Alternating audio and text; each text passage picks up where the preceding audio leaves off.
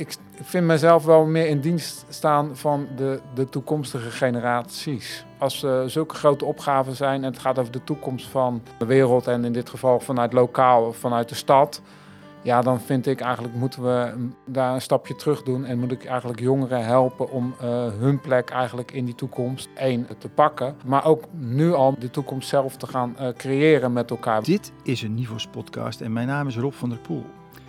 Vandaag spreek ik met Marcel Kesselring, een van de kwartiermakers van het Urban Living Lab Breda. Het is een stageplek waar HBO- en MBO-studenten al zo'n drie jaar werken aan transitievraagstukken. Het ULLB stelt zich op als actieve verbinder van inwoners, overheid, bedrijfsleven en het onderwijs dus. En Marcel, zelf verbonden als docent, project- en stagebegeleider bij Avans Hogescholen, is één van de pioniers net als zijn studenten. Waar gaat het met deze wereld naartoe? En waar doen we dingen dan nog voor? Volgens mij staan we met heel veel behoorlijke grote maatschappelijke vraagstukken, opgaven. Uh, ik noem maar even iets, energietransitie. En, en ja, dat, dat kan je niet alleen oplossen. Daar heb je verschillende partijen voor nodig. En dat is wat we bij het Urban Live Lab vooral uh, proberen te doen. En dat is soms best wel ingewikkeld. Zeker als je tegen de huidige systeemwereld aanloopt, waar dat niet zo is. Want ja, als je het hebt over co-creatie, dan heb je het ook op basis van gelijkwaardigheid. Dus het maakt niet uit of jij de burgemeester bent, of dat je een kind van 12 bent, of nou ja, wie dan ook. Bij ons is iedereen gewoon gelijk. En zo gaan we ook met elkaar om. Marcel zelf opereert al langer aan de voorkant van nieuwe ontwikkelingen en in verandertrajecten. Onderwijsinnovator noemt men zichzelf, waarbij het verschil door mensen wordt gemaakt, niet zozeer door systemen of door technologie. Na een baan in het bedrijfsleven ging hij 15 jaar terug op zoek naar zijn bijdrage in de transitie. Een beslissing die hem ook vanuit ervaringen met zijn eigen kinderen werd ingegeven. Wat ik gewoon mij opviel is dat er in het onderwijssysteem heel erg veel werd gekeken wat iemand niet kan. Terwijl er veel meer nadruk moet zijn over de kansen en de mogelijkheden en de dingen die kinderen wel kunnen. Ik heb twee dyslectische kinderen, ondertussen 21 uh, en uh, 18. En uh, ja, de oudste doet business innovation bij Avans nu. Dus hoe kan het nou dat dat systeem zo raar in elkaar zit en dat er eigenlijk niet wordt gekeken naar uh, de, uh, de potentie van, van kinderen en wat ze eigenlijk wel kunnen? Hij heeft alleen maar klappen gekregen en ja, dat, dat is nog steeds mijn drijfveer ook, want ik vind dat verschrikkelijk. Met het Urban Living Lab trekt hij een half jaar op met een stageteam van acht studenten, afkomstig van zeven verschillende HBO- of MBO-opleidingen. Studenten die moeten wennen aan de vrijheid die ze krijgen, zo vertelt Marcel. En ook aan het gezamenlijk optrekken met alle betrokken partijen. En dat je daarvoor soms geduld moet betrachten, wordt dan snel duidelijk. Het proces weegt onderweg zwaarder dan het resultaat. Eigenaarschap en inclusiviteit zijn sleutelbegrippen. De methode die we daaronder uh, voor gebruiken is uh, uh, ABCD-methode, Asset-Based Community Development methode. Ja, en dat, dat is precies dat proces wat heel langzaam uh, gaat. Dus het is niet dat je morgen gelijk resultaten hebt, maar dat is langzame beweging die je daar aan, aan het maken bent. Community building, dat is eigenlijk wat je daar uh, ook uh, deels doet. En dat betekent niet, zoals het heel vaak nog gebeurt, dat nou ja, de systeemwereld heeft die bedacht en later gaan we vragen, instemming, inwoners, wat vinden jullie ervan? Dus dat is wat er nu gebeurt. En... In het Urban Living Lab Breda wordt het onderwijs van morgen gegeven. Daar is Marcel Kesselring van overtuigd. Met het basisonderwijs en het voortgezet onderwijs zijn de eerste proefballonnen in Breda ook al opgelaten, vertelt hij in deze podcast. Na het interview met Marcel, dat zo'n drie kwartier duurt, komen ook nog drie studenten aan het woord. Femke, Robin en Alex. Veel luisterplezier. Marcel Kesselring. Hallo Rob. Uh, ik, ik, zeg dan altijd welkom in de podcast, maar ik voel mezelf een beetje uitgenodigd hier op deze bijzondere plek. Uh, kan jij vertellen waar, uh, waar we zitten? Nou, jij zit nu in de podcastruimte eigenlijk ja. vanuit het Urban Living Lab Breda. in deze ruimte nemen wij vanuit het Urban Living Lab zelf ook podcasten op. Ja, daar ben je nu te gast eigenlijk. Het gebouw zelf is, is ook al ja, een, een, zeer bekend, beroemd, tenminste het staat naast, het, naast de koepel. Ja, dat klopt. Ja, nou, het is dus onderdeel van de koepelcomplex. Uh, en dus, uh, ja, er zijn drie koepelgevangenissen in Nederland. Uh, Haarlem, Arnhem en hier. en wij zitten in een van de bijgebouwen van het koepelcomplex. En de koepel staat in de verkoop. Dus voor degene die nog wat willen bieden, Uh, wij willen graag blijven, laat ik het even zo zeggen. Die zaten de drie van Breda ook. Ja, er zijn heel veel verhalen uit deze, uh, vanuit dit, dit complex eigenlijk wel te vertellen. Met historische ja. panden ook, ook hier. Ook, ja. Door oude rechtbank bijvoorbeeld. De oude vrouwengevangenis zie je regelmatig nog in televisieseries voorbij komen. Hmm. Waar de opnames plaatsvinden. Dus af en toe zie je, kom je ineens een acteur hier tegen. Dus dat, dat is ook wel grappig eigenlijk aan deze locatie. Ja, het, het is ook, ik bedoel, ik ben hier naartoe geleid. Ik werd opgewacht door twee van jouw studenten. HBO-studenten die mij door een aantal andere ruimtes leiden om uiteindelijk hier te, eh, binnen te kunnen komen. Ja. Uh, maar ik, wat ik ook gelijk door had, is dat het een hele dynamische omgeving is. Ja, dat klopt. Het zit, het is een, uh, er zitten heel veel verschillende gebouwtjes eigenlijk. En in die gebouwen zitten ja, kleine bedrijfjes. Uh, en ja, maar even de complex zelf heeft ook iets van omdenken. Weet je, het is heel lastig om binnen te komen dan naar buiten. Nou, dat was vroeger natuurlijk wel anders. ja. En, en, ja, er zitten heel veel maatschappelijke bedrijven, maar ook commerciële bedrijven. Er zitten onderwijsinstellingen. Uh, MBO uh, zit er ook met een aantal plekken. Curio zit hier met een aantal plekken. Dus het is, uh, ja, het is een leuke broedplaats, als het ware, zoals dat modern tegenwoordig heet. Ja, en leg dan maar eens uit wat hier gebeurt. Want in zo'n broedplaats, hè? Het is sowieso altijd een uh, opgave om te vertellen wat hier nou echt gebeurt. Ja, en wat ben je dan aan het broeden ook dan? ja, waar broed jij op? Ja, ikzelf. Uh, ja. ja. ik ben hier zelf wel heel erg bezig met vanuit uh, mijn drijfveer zit wel ja, de toekomst. ja, waar gaat het met deze wereld naartoe? En waar doen we dingen dan nog voor? Volgens mij staan we met heel veel behoorlijke grote maatschappelijke vraagstukken, opgaven. Uh, ik noem maar even iets energietransitie en dat soort uh, zaken. En uh, ja, dat, dat kan je niet alleen oplossen. Daar heb je verschillende partijen voor nodig. En dat is wat we bij het Urban Live Lab vooral proberen te doen. Die partijen bij elkaar te brengen. Dus niet alleen onderwijs, maar ook de overheid, bedrijven en inwoners. En vooral met elkaar ook de dialoog aan te gaan over ja, de toekomst.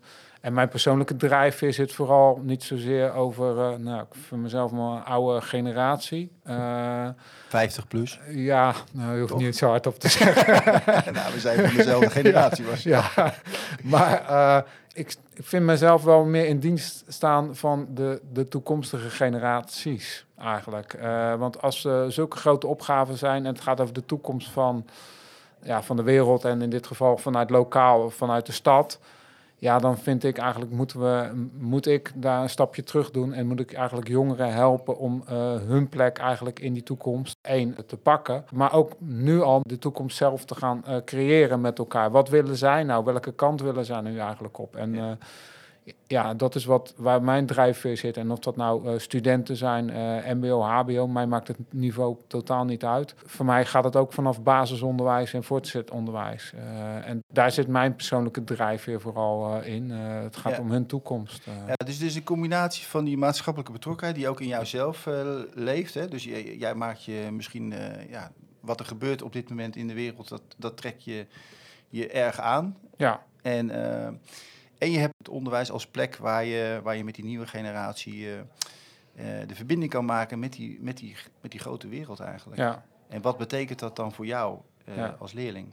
En dan doe je dat, dat vind ik ook heel opmerkelijk, in Breda. Als ras Rotterdammer. ja, dat Komt is... dat nou? Ja, dat is, een, ja dat, dat, is een goed, dat is eigenlijk zo ontstaan, laat ik het even zo zeggen. Het is niet een vooropgezet plan uh, nee. ooit geweest. Nee. Uh, ik ben per toeval eigenlijk in Breda uh, terechtgekomen. Uh, ik heb altijd wel met ja, innovatie ben ik bezig geweest. en vooral ja, de laatste 15 jaar onderwijsinnovatie. En ik ben ja, per toeval een keer bij Innofun heb ik een aantal jaren gewerkt in Breda. Daar was de ingang van Breda. Daar was toen de ingang. En toen ben ik in Breda een beetje blijven plakken. En ik heb een keer een challenge gedaan bij de Pabo Avans als ZZP'er. En toen kwam ik ineens met een andere doelgroep in aanraking van uh, ja, jongeren, MBO of HBO in dit geval. Dus uh, dat zijn het, uh, 19, 20-jarigen. En toen denk ik, dus wel een leuke doelgroep om mee samen te werken ook wel. En ja, eigenlijk ben ik een avans binnengerold, als het ware, via de opleiding communicatie. Daar ben je docent. daar ben ik op papier ook docent. Nee, geef je geen lessen meer? Nee, ik, doe, uh, ik ben eigenlijk toen uh, binnengekomen om de opleiding ook deels uh, mm. mede te vernieuwen met, met een aantal anderen. En vooral dichter praktijk naar het onderwijs te brengen en die verbindingen vooral van buiten naar binnen te brengen. Ja. Um, en ja, dat betekent ook ander soort onderwijs. dus ja, om even communicatie als voorbeeld te pakken, die opleiding. Nu in jaar 1 beginnen, komen studenten komen binnen, bijvoorbeeld net vanaf de HAVO. En die dag 1 hebben ze al een echte opdrachtgever en zijn ze communicatiebureau ja, dat zijn de dingen die, waar ik uh, mede heb bedacht eigenlijk. Om wat ik vind dat je, zeker in beroepsonderwijs, dat je dichter bij de praktijk moet ja. zitten. Dus ik denk heel erg van buiten naar binnen. Dus, en dan, ja, daarom zeg ik op papier docent. Dus wat ik veel gedaan heb, heel veel projectbegeleiding. Het eerste jaar heb ik nog wel wat les gegeven, maar dat, dat vond ik echt helemaal niks. Ja. Uh, ik ben vooral met studenten bezig met binnen projecten, coaching en dat soort zaken. Ja, projecten, Af, afstudeerders en zo en dat soort ja. dingen. Ik hoor een beetje dat je de leefwereld en systeemwereld eigenlijk bij, ja, bij elkaar ja. brengt. Ja, dat klopt. En dat is wat we in het Urban Live Lab eigenlijk ook doen. Ja, en het is misschien ook wel toch aardig om te weten, ook voor de luisteraar, dat wij kennen elkaar eigenlijk van al 10, 12 jaar geleden. Want zo lang was het volgens mij, ja. Marcel bij de, de, de start van het Nivos platform Het Kind. Ja. Daar kan ik me eh, van herinneren dat jij, dat jij nou, je vertelde dat, uh, je bent op een gegeven moment naar Innofund gegaan. Je zat heel erg in de digitalisering ook. Ja, dat klopt. Dat, mid, dat klopt. Ik werd op een gegeven moment, ik hou niet zo van hokjes, maar ik werd wel een hoek ingeduld van digitalisering. Ja. Terwijl uh, mij is het inderdaad gewoon een, een manier om ergens uh, te komen. En mij ging het vooral om systeemverandering eigenlijk. Uh, ja. En dat is de onderwijsinnovatie. Ja. Precies, en dat is denk ik ook wat ervoor zorgde dat wij een verbinding kregen. En ook dat jij je kon verbinden met Nivos. Omdat je, het niet ging om de tool, zeg maar, maar om een veel breder perspectief. En ook een, een, een pedagogische visie. Je vertelde volgens mij toen ook al dat je, je hebt ook al eventjes schoolleider ben je, ben je geweest. Ja. Dus je was, je, je was aan het zoeken van wat nou precies ook jouw plek was uh, als innovator. Of bezig ja. zijn met een soort nieuwe manier van werken, leren. Ja. Ja, dat, dat, dat klopt. Uh, kijk, ik kom oorspronkelijk gewoon uit het bedrijfsleven. En, uh, Unilever, geloof ik. Ja, Unilever heb ik uh, heel lang gewerkt. En ehm, ja, ik ben daar zelf weggegaan. dus ik ben niet de deur uitgezet, ik ben zelf de deur uitgelopen. En mijn drijfveer kwam eigenlijk mede door mijn kinderen. Wat ik gewoon mij opviel, is dat er in het onderwijssysteem heel erg veel werd gekeken wat iemand niet kan. Terwijl er veel meer nadruk moet zijn over de kansen en de mogelijkheden en de dingen die kinderen wel kunnen en breder in de wereld ook meer uh, meegeven eigenlijk. Ik heb twee dyslectische kinderen, ondertussen 21 uh, en 18. En ja, de oudste doet business innovation bij Avans nu. Dus volgens mij gaat het wel goed, komt het allemaal wel goed met, mm. met die jongen, maar de ja, de drijfveer die zat er wel bij mij. En ja, hoe kan het nou dat dat systeem zo raar in elkaar zit en dat er eigenlijk niet wordt gekeken naar uh, de, uh, de potentie van, van kinderen en wat ze eigenlijk wel kunnen. Mm. Hij heeft alleen maar klappen gekregen en ja, dat vind ik, dat, dat, dat, dat is nog steeds mijn uh, drijfveer ook, want ik vind dat verschrikkelijk. Ik bedoel, ik, ik, ik dat is heel gek, maar ik trek ook best wel van dit soort buitenbeentjes. Terwijl in mijn beleving zijn het geen buitenbeentjes, maar uh, in de onderwijswereld wel vaak. Want die zitten niet in middle of the road kinderen. Die zitten aan de linker of aan de rechterkant. Ja, die komen wel, daar kom ik op een of andere manier elke keer mee in aanraking. Of dat nou uh, met, met studenten bij de opleiding of dat het binnen het Urban Living Lab ja, idem dito eigenlijk. Uh, En ik, ja, ik sta daar wel uh, voor open. En ik, uh, ja, dat is wel een van de dingen waar, die voor mij heel erg belangrijk ook is. Dat iedereen gewoon een eerlijke, gelijke kans moet hebben. En dat je gewoon moet kijken naar wat er, wat er kan. En mensen gewoon in hun kracht ook probeert te zetten. Yeah. En dat zit, niet, zat in mijn beleving niet in het systeem. Ja. Ja, en wat trok je aan om, om je te verbinden met wat er, uh, wat er bij Nivos, uh, ja, wat, je daar, wat vond je daar of wat, wat, wat zag je daar? Ik voelde dat daar de kern hetzelfde was, eigenlijk. en ik, ja, voor mij is in mijn hoofd gegrift bijna zonder relatie geen prestatie.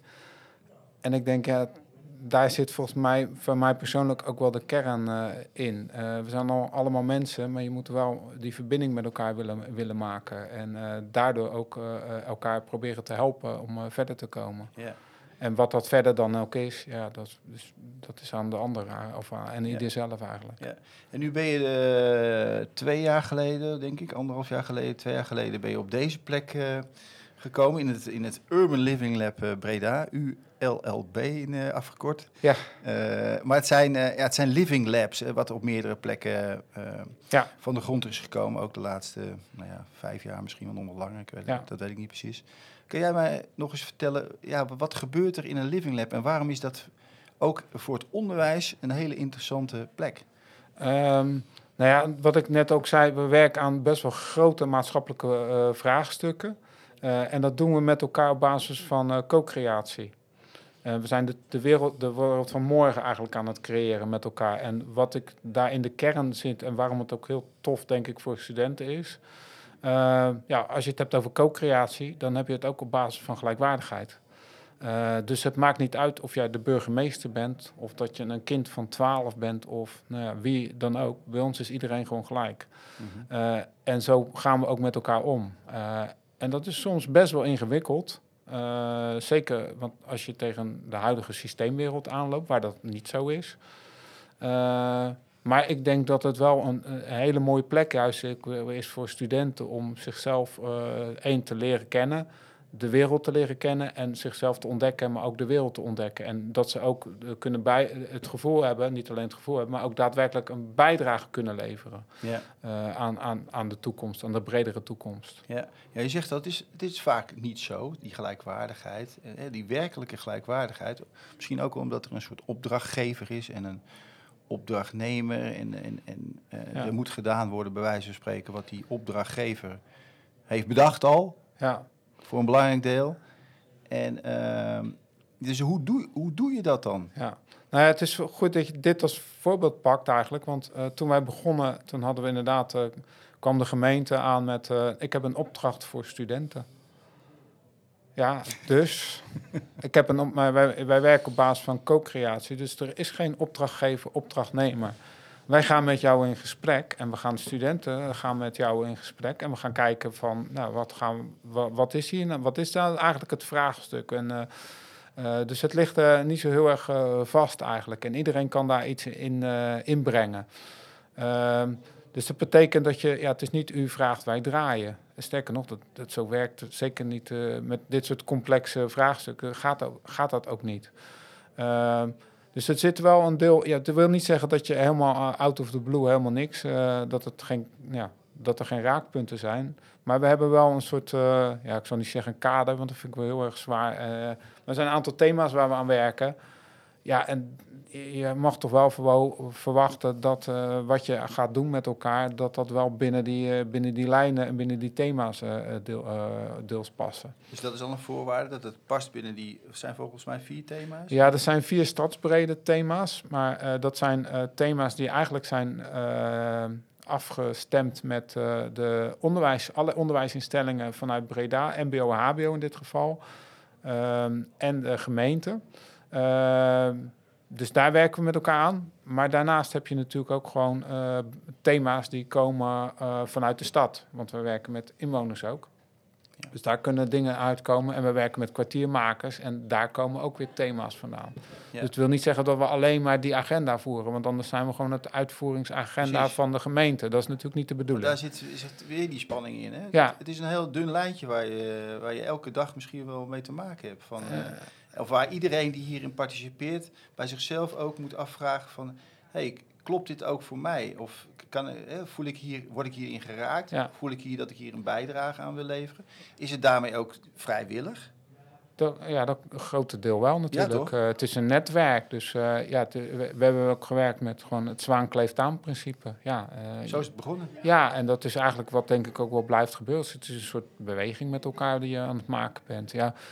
En dat wil niet zeggen dat je voor eeuwig eh, eraan vast zit. Nee, dat hoeft helemaal niet. Ja, even voor de duidelijkheid, want ik sprak net, eh, volgens mij Raymond heette die, hè? Ja, Een van de vier eh, docenten die hier drie jaar geleden zei hij ja, mee begonnen is. Hij wist natuurlijk helemaal niet dat dit het zou worden, maar nee. hij ging buiten de lijntjes ging die, aan de slag met leerlingen. Zo stel ik me dat tenminste voor. En dat heeft zich, er waren nog een aantal docenten die dat heel graag wilden doen. En, en heeft toen al, denk ik, met de verschillende stakeholders, en dan benoem ik eh, de gemeente, het, bedrijfsleven, de ondernemers, eh, het onderwijs en als vierde belangrijke eh, de wijk, de Mhm. bewoners, is die gaan kijken wat wil hier gedaan worden? Wat wil hier, welke vragen leven er? Wat wordt hier gevraagd van ons allemaal eigenlijk? Ja.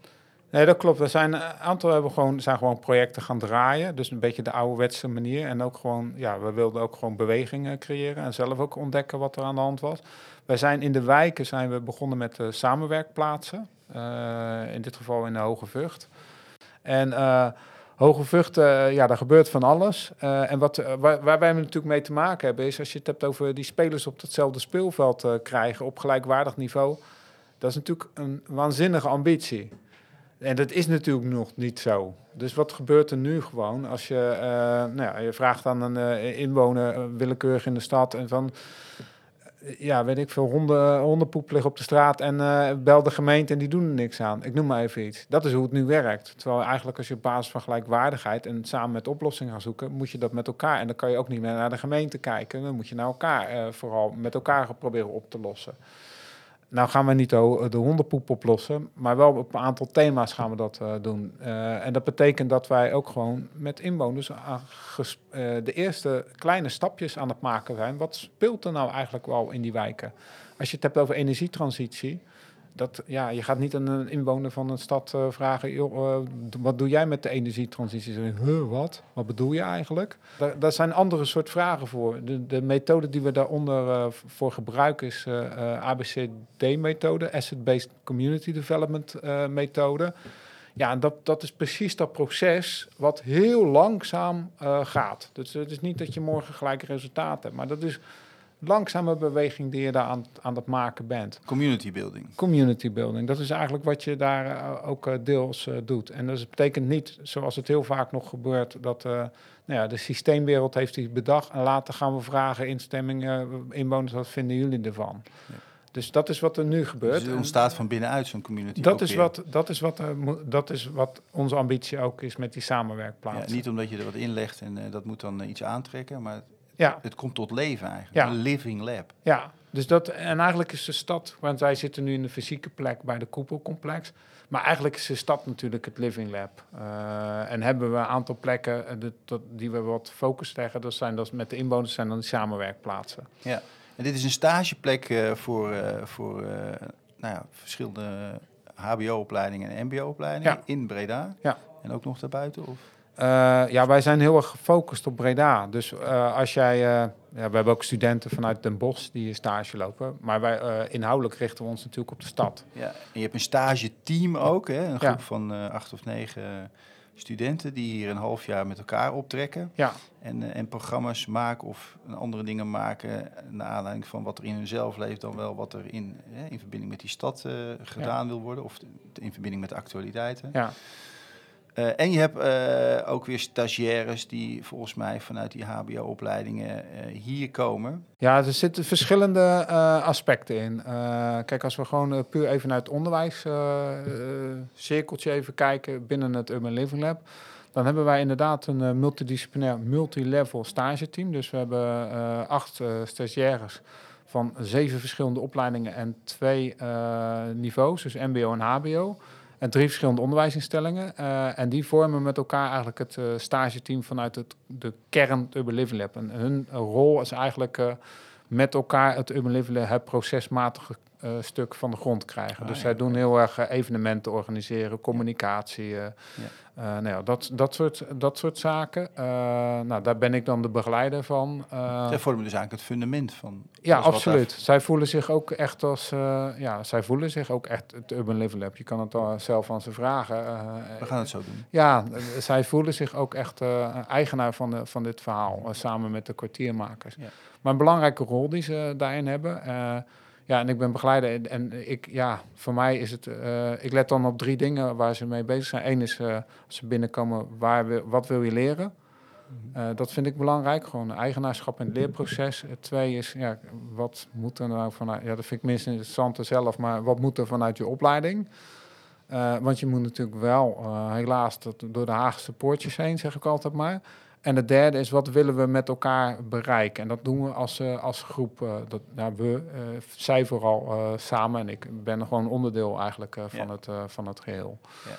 Ja. en ja, dan gaan ze gewoon aan de slag. En, dan, en die doelen worden gaandeweg worden die geformuleerd? Ja. Ja, en, Dat eh, kun je natuurlijk niet op dag één gelijk Nee, dus en, en dat, dat, ja, nee, dat, dat klopt. Dus eh, de eerste weken is het vooral, eh, vooral voor hun eh, landen eigenlijk in het hele in het Urban Living Lab, wat best wel complex is. Eh, en dan eh, daarna wordt het wat scherper met eh, wat willen ze nou eigenlijk zelf ook daarin. Nou, een van de voorbeelden is, nee, volgens mij hebben we net gesproken, Amin is daar een voorbeeld van. Opleiding CMD. En die, ja, die had zoiets, ja, ik wil iets in die wijk en ik wil dit en dat doen. Ja, en op een gegeven moment zitten we in het koepelcomplex, komen de Oekraïense vluchtelingen komen ineens hier in de koepel zelf terecht. En hij komt in gesprek met nog een stagiaire hier vanuit BUAS voor filmen maken. En uiteindelijk gaan ze nu... eh, Business, even voor de mensen Ja. buiten. eh, Breda University Applied Sciences, BUAS, Ja, sorry. Naast Avans, eh, de belangrijke Ja, eh, HBO. twee HBO-instellingen hier in eh, Breda. En ehm, ja, nu hebben ze, zijn ze samen een documentaire aan het maken over die vluchtelingen. Eh, niet alleen vanuit het koepel, maar het bredere verhaal. Ja, dat hebben we van tevoren nooit bedacht natuurlijk. Maar eh, het is wel de ruimte die ze hier hebben. Eh, en ja, dan gaan we gaan wel, want het past ook wel binnen de thema's waar we mee bezig zijn binnen het Urban Live Lab. Ja. Een van de thema's is inclusieve samenleving en gezondheid. Nou, daar past het prima binnen. Ja. Dus Ja. dan zie je hoeveel je ruimte kan geven en toch dat het wel ook binnen het programma eigenlijk eh, past. En dat het niet helemaal vast hoeft te staan van eh, nou, vanaf dag één weet je, het einde van je stage heb je dat opgeleverd. Maar dit vraagt ook een eh, speciaal type student. Of die hier in Ja, dat, dat klopt. Dat klopt. Eh, behagelijk blijft voelen, zeg maar. ja, want, er is, nee. want er zijn in eerste instantie niet zoveel handvaten. Ja, die worden niet zo eh, aangereikt. Nee, dat klopt. Dus dat vraagt. eh, en dat is. Wij zijn nu. eh, Ik ben nu eigenlijk een jaar met dit bezig. Dit proces. Dit is, we zitten nu met het tweede stageteam. En binnen het stageteam zit een HRM-student.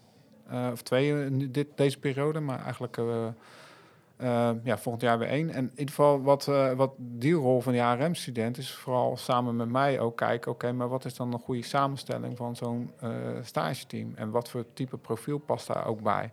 Dus de HRM-stagiaire, die vanuit haar opleiding gewoon eh, HRM-dingen moet doen ook, die heeft eigenlijk gewoon het eh, hele eh, wervingsproces ook eh, eh, begeleid en gedaan. Ja. En dan zijn we samen eh, ook in gesprek en met het team, onderling zijn we ook in gesprek, al bezig met het volgende team. Van Ja. Wie past daar nou bij? En wat eh, niet alleen qua opleiding, maar ook gewoon qua persoon. Ja. Wat heb je dan nodig? Nou, Ik ga zo vragen hoe het, ze, hoe het ze vergaat. Maar wat, betekent, wat kan dit betekenen voor onderwijs? Hè? Jullie, jullie gaan hier toch ook en, en ook anders met elkaar om. Maar ook anders met de, de wereld om, zullen we zeggen. ja, Er wordt niet gedacht in banen of in, eh, in, eh, in vakken. Nee. Maar er wordt gedacht misschien wel in eh, ja, waar, waar word je door geraakt en waar eh, ga je van eh, rennen misschien wel. Of, Ja. en, en, en ook in samenwerking wordt er veel gevraagd. Want hè, je kan gaan rennen met iets eh, wat je heel graag wil, maar je hebt met een heleboel stakeholders en anderen te maken, Ja. die ook allemaal aan het project vastzitten. Ja, Dat, klopt. doet nogal wat met een student, Ja. wat denk ik heel belangrijk is Nee, voor de samenleving. Ja, dat, dat, dat klopt. Dat doet heel veel met een, eh, met een student. Eh, want we hebben een stageteam is één. We hebben ook nog een andere eh, stukje. We zijn ook in deze omgeving ook gewoon onderwijs aan het ontwikkelen. Dat heet dan de tussenruimte. Ja, dat, het woord zegt het eigenlijk al. Bekend begrip, hè? Ja, en dat betekent eigenlijk, ja, we zijn wel erg met interdisciplinair, multidisciplinariteit bezig. En daar zijn we eigenlijk, ja, in mijn beleving zijn we gewoon het onderwijs van morgen daar aan het creëren met elkaar. Ehm, en wat wij, de ervaringen nu van de afgelopen twee jaar eigenlijk is, is dat eh, ik heb ook eerstejaarsstudenten hier gehad. En daar is dit, deze omgeving nog te complex voor.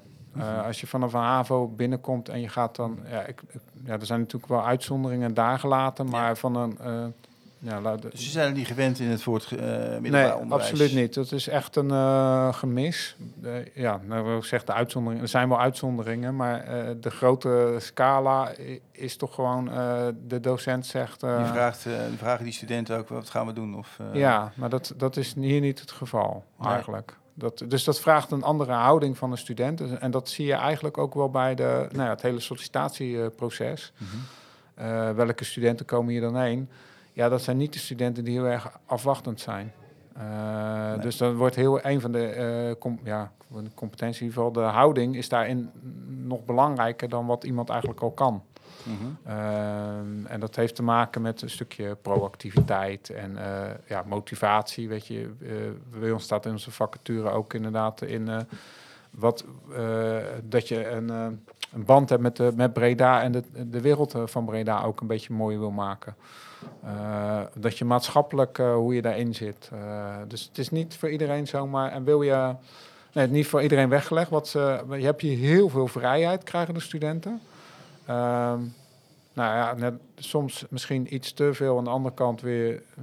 Mm, ik heb het eerste half jaar had ik een stageteam. Ja, toen dacht ik, heb ik heel veel vrijheid gegeven. Maar op een gegeven moment lopen ze dan toch vast, omdat ze het niet gewend zijn. Ja, want, want wat vraagt dat inderdaad voor jou als begeleider? Je zegt al, ja, er is vrijheid nodig, maar er is ook iets anders.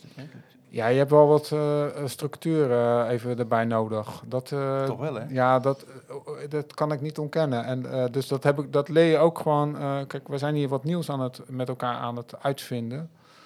met verschillende niveaus enzovoort. Verschillende typen studenten, verschillende achtergronden. Natuurlijk uh, uh, nou, zorgen we ervoor dat iedereen uiteindelijk uh, goed te land, hoe noem dat? Dat iedereen allemaal goed terecht komt en ontwikkeling doorloopt.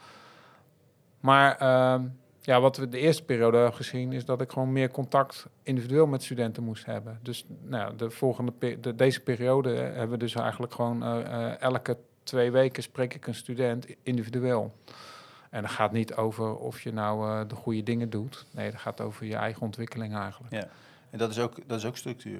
Dat ja, je maar dat is wel... regelmatig die gesprekken aangaat. Ja. En waarbij je weer even eikt van, hé, hey, waar zit je? Ja. Wat, wat ben je aan het doen? Wat, wat leeft er? Ja, en, en dat, dat, dat is wel uh, belangrijk uh, geweest eigenlijk in deze periode. Dus dat is uh, structuur die ze nodig hebben, maar ook ja, aan de andere kant ook gewoon structuur in, nou, we hebben je communicatie een, hebben we een clubje communicatie gemaakt. Nou, die, die hebben dus elke week hebben we overleg met dat clubje. Ja, ik moet ook even denken aan, uh, want de ambitie uh, is hier groot. Ja. En gelukkig, zou ik willen zeggen. Want ja, is een, anders breng je niet aan. anders breng je niet aan. Nee, jullie hebben je perspectief ook een beetje naar een jongere leeftijdsgroep zijn jullie aan het verleggen. Wat je net al vertelde, hè, want je krijgt leerlingen die dat helemaal niet gewend zijn vanuit de middelbare school van de HAVO. En die komen en met die ruimte geen raad weten eigenlijk. Ja. En weer vragen van, nou, wat gaan we doen? En als je dat niks hoorde, dat ze dan denken, nou, dan niet. Zo. Ja. ja. maar uh, jullie, hebben een, uh, jullie richten je ook, uh, je hebt projecten ontwikkeld waarin je met basisschoolleerlingen aan de gang bent gegaan. Ja, ja wij zijn vorig jaar rond deze tijd kwam ik eigenlijk met het idee. En denk, nou, misschien moeten we eens gaan kijken of dit levensvatbaar eigenlijk is. Het idee van het Urban Living Lab zelf is natuurlijk, ja, het zit voornamelijk vanaf studenten. Dan zit je 17 jaar en ouder en dan uh, professionals en uh, inwoners. Dus mm. vaak uh, oudere leeftijd. En mijn eerste gedachte was, ja, als je het hebt over de toekomst van, van je stad en de toekomst. Ja, waarom doen jongeren onder de 17 basisonderwijs, voortgezet onderwijs dan niet mee? Volgens mij moet je die, moeten die meedoen. en aan de andere kant dacht ik, ja, misschien kunnen we daar in de kern ook wel iets veranderen. Uh, en toen ben ik dat even wat verder gaan uitzoeken. En ik ben gaan kijken van, oké, uh, zou zo'n idee van een Uberlive Lab Junior, zou dat levensvatbaar kunnen zijn? Uh, toen hebben we een sessie georganiseerd, tenminste studenten hebben een sessie georganiseerd. Ja, precies. Met vier scholen, hoor ik? Nee, dat is daarvoor nog eigenlijk. Dus oh. ze hebben een, uh, dus een jaar geleden hebben ze... Uh, ik kwam gewoon met het ruwe idee. En daar hebben studenten vanuit de Avans Innovator Studio... hebben daar prototypes van gemaakt. En een idee van, nou, dit zou het wel eens mogelijk kunnen zijn. Hebben een uh, netwerk uitgenodigd van een aantal partijen in de stad... vanuit mm -hmm. basisonderwijs en gemeente en de overheidsinstellingen... Mm -hmm. Uh, die vonden dat uh, allemaal uh, reuze interessant. Toen zijn we na de zomer met een, met een klein aantal clubjes, een klein clubje zijn we verder gaan doorpakken. Oké, maar wat is dan het Urban Live Lab Junior? nou, grote ambities op zich, grote verhalen. Maar ja, waar gaan we nou beginnen? En toen kwam het idee van redelijk snel, nou laten we gewoon een week organiseren. Nou, we wisten nog niet wat die week zou moeten zijn, maar dat is wel, wel het startpunt. en toen waren er al vier basisscholen aangehaakt eigenlijk. En toen zijn we eigenlijk met studenten en met uh, deze netwerkpartijen, onder andere die basisscholen, zijn we eigenlijk die week gaan organiseren. En die week uh, inhoudelijk uh, past het ook gewoon met de thema's uh, waarin we werken met Urban Living Lab zelf. Welke thema's? Ehm, nou, dat, dat, gaat over, ja, we hebben het even vertaald naar groen. Dat gaat daar gewoon over voedseltransitie, maar gaat over groen dan. Mm energietransitie en die hebben we nu vertaald voor de kinderen weer. nou, we hebben in ieder geval de, we hebben onze taal aangepast aan de doelgroep, laat ik het even zo mm zeggen. Um, inclusief samenleving, dat Keep It Social heet dat nu. Um, en uh, Keep It Smart, en dat gaat over technologie. Oh ja. En uh, digitalisering eigenlijk. En uh, nou, echte opdrachtgevers, ehm, echte locaties. Dus we trekken ze ook uit die scholen. En de basis van, het hele, van die hele week is dat kinderen in, van vier verschillende basisscholen in één groep bij elkaar komen. Een gemixte groep. Dus kinderen van totaal verschillende achtergronden en wijken. komen bij elkaar, krijgen een opdracht van een opdrachtgever. Wat, op een locatie die ze ook allemaal niet kennen. Met kinderen die ze eigenlijk niet kennen. Uh, en gaan ze eigenlijk op basis van uh, design thinking principes. Gaan ze in vier dagen hebben ze toegewerkt naar uh, prototypes toe. Maar er is wel heel veel sturing voor nodig. Natuurlijk. Daar is wel sturing, nee, uiteraard. Het, het proces is heel ingewikkeld. Ja. en logistiek is het ook een flinke uitdaging. Maar ja. we zijn eigenlijk dwars door het systeem heen gegaan nu. Mm -hmm. En het resultaat is eigenlijk, uh, ja, die kinderen uh, vonden het de eerste dag heel erg uh, eng en spannend. ja, het zijn natuurlijk kinderen die totaal elkaar niet kennen. En uiteindelijk stonden ze daar gewoon als groep te presenteren. Kijk, de laag die daar natuurlijk heel erg onder zit, is als je het hebt over, en dat is de gedachte die ik in ieder geval hierbij heb, het gaat niet zozeer om die week. Daar gaat het helemaal totaal niet over. Kijk, als je gewoon kijkt naar die, nou, ik noem maar even een kind vanuit de Hoge Vught die groeit op in een basisschool, uh, krijgt een advies. Die gaat naar een, die zit in de eerste bubbel, dat is die wijk. Ja. Dan gaat ze naar hij of zij naar de volgende bubbel, ja. MBO, HBO niveau. Dan uh, ga je naar de volgende bubbel uh, nou ja, studeren of werken. Ja. En dan blijf je in die bubbels. en als je, zo hebben we het ingericht. Zo is het, het systeem in zijn geheel ingericht. En er wordt social media alleen maar uitvergroot. En ik denk, als je niet, niet op jonge leeftijd al die verbindingen nu gaat maken, nieuwe verbindingen gaat maken, dan krijg je nooit die maatschappij van morgen. Dus volgens mij, ik zeg niet dat, het, dat we dat met die week voor elkaar krijgen, maar de boodschap die hierachter zit, is laten we veel meer van dit soort dwarsverbanden en verbindingen gaan maken. Nee, dus het gaat eigenlijk ook helemaal niet zozeer om wat het opbrengt. Nee. Er, gebeurt, er gebeurt een proces wat veel fundamenteler is in de, bij de vorming van mensen. Ja waar uh, een samenleving op, uh, op uh, gestoeld is. Ja, absoluut. Zoals je, nou, ik heb een eerder interview, heb ik hier voor mijn neus liggen, waarin je ook inderdaad zegt dat transities gaan niet tot stand komen vanuit technologie alleen. Dat is één van de vier, hè, hoorde ja. ik net. het is vooral mensenwerk en menselijk gedrag. Hè. We moeten vooral mensen bij elkaar brengen. Ja. Ja, en dat is wat, wat we hier doen. Dus uh, bubbels doorprikken en nieuwe verbindingen maken. Dat is wat we doen eigenlijk. En die, uh, die vraag van wat uh, levert het op? Ja, dat Hoe is, pareer je die dan? Ja, die vraag krijgen we ook. ja, die, daar moet ik even nadenken. Elke keer pareer ik hem weer anders. Maar uh, ja, die, want het kwam ook uit dat interview. Want dan kwam inderdaad, wat levert het dan op? Wat was de aanleiding? Ja, dan denk ja, het, wat het oplevert is... We hebben staan voor grote uh, opgaves. En wat het oplevert is, is verandering van gedrag. Daar, dat levert het uiteindelijk op. Ja. En dat is lange termijn uh, investering. Dus als je nou verwacht op de nieuwste innovatie... persoonlijk verwacht ik daar niet van. Nee. Techno technologisch kunnen we al heel veel. Ja. Het gaat om hoe gaan we met de, de wereld met elkaar ook, uh, ook samen om. En daar ligt volgens mij de kern in. Ja. Dus wat levert het op? Nou, ik hoop een mooiere en een uh, betere maatschappij. En ja. dat we in ieder geval iets gekeerd hebben wat nu uh, gewoon gaande is. Ja. We hadden het van tevoren ook nog even over de, de, de, pedagogische bronnen die misschien wel aan de grondslag liggen. Toen moest ik denken aan het, aan het werk van Gert Bista. Die met zijn wereldgericht onderwijzen een soort derde weg opent uh, naast uh, het leerstofgerichte onderwijs en het kindgericht onderwijs. Ja. Waar we misschien soms wel eens een beetje naartoe hangen. Ja, dit is wel weer een soort echt voorbeeld van wereldgericht onderwijs. Hè? Ja, ik, volgens mij echter kunnen we het ook niet meer maken, denk, denk ik dan. Echt. Nee, het kan niet meer anders eigenlijk. Nee. De, de urgentie is ook eigenlijk... Ja, we moeten wel, denk ik. Uh, ja. En ja, wat ik gewoon zie in de hele omgeving, ja, mensen zitten in hun eigen postzegel de wereld aan het veranderen. Dat kan gewoon niet. Ja. Maar het is ook een spannend, in die zin een spannende periode, denk ik. Omdat je, het woord crisis valt vaak. en in crisistijd dan willen mensen zich vastpakken aan iemand die zegt hoe het moet. Ja. En, en dit is weer zo'n omgeving waarbij je juist eigenlijk met elkaar op gaat trekken en, en geduld hebt te betrachten. Misschien soms wel eens moet, moet vertragen. Ja. En dat, dat soort vaardigheden eigenlijk een beetje geoefend worden. Het is een spanning natuurlijk. Ja, dat is zeker, het is zeker een spanning. Want we willen liever morgen de boel opgelost hebben dan... Ja, dat klopt, dat, ben ik, dat, dat kan, maar die oplossing ligt er morgen nog niet. dat, is, dat, is, dat is het probleem. Dus volgens mij moet je wel fundamenteel aan de basis wat gaan, gaan doen. Ja ik denk dat daar de, uh, in mijn beleving ligt daar de sleutel van de toekomst. Nou, hebben jullie volgens mij zelf uh, ook, uh, komen jullie in een volgende fase terecht? Je vertelde al dat er een intentieverklaring is getekend door de gemeente. Ja. Wat staat er in die intentieverklaring?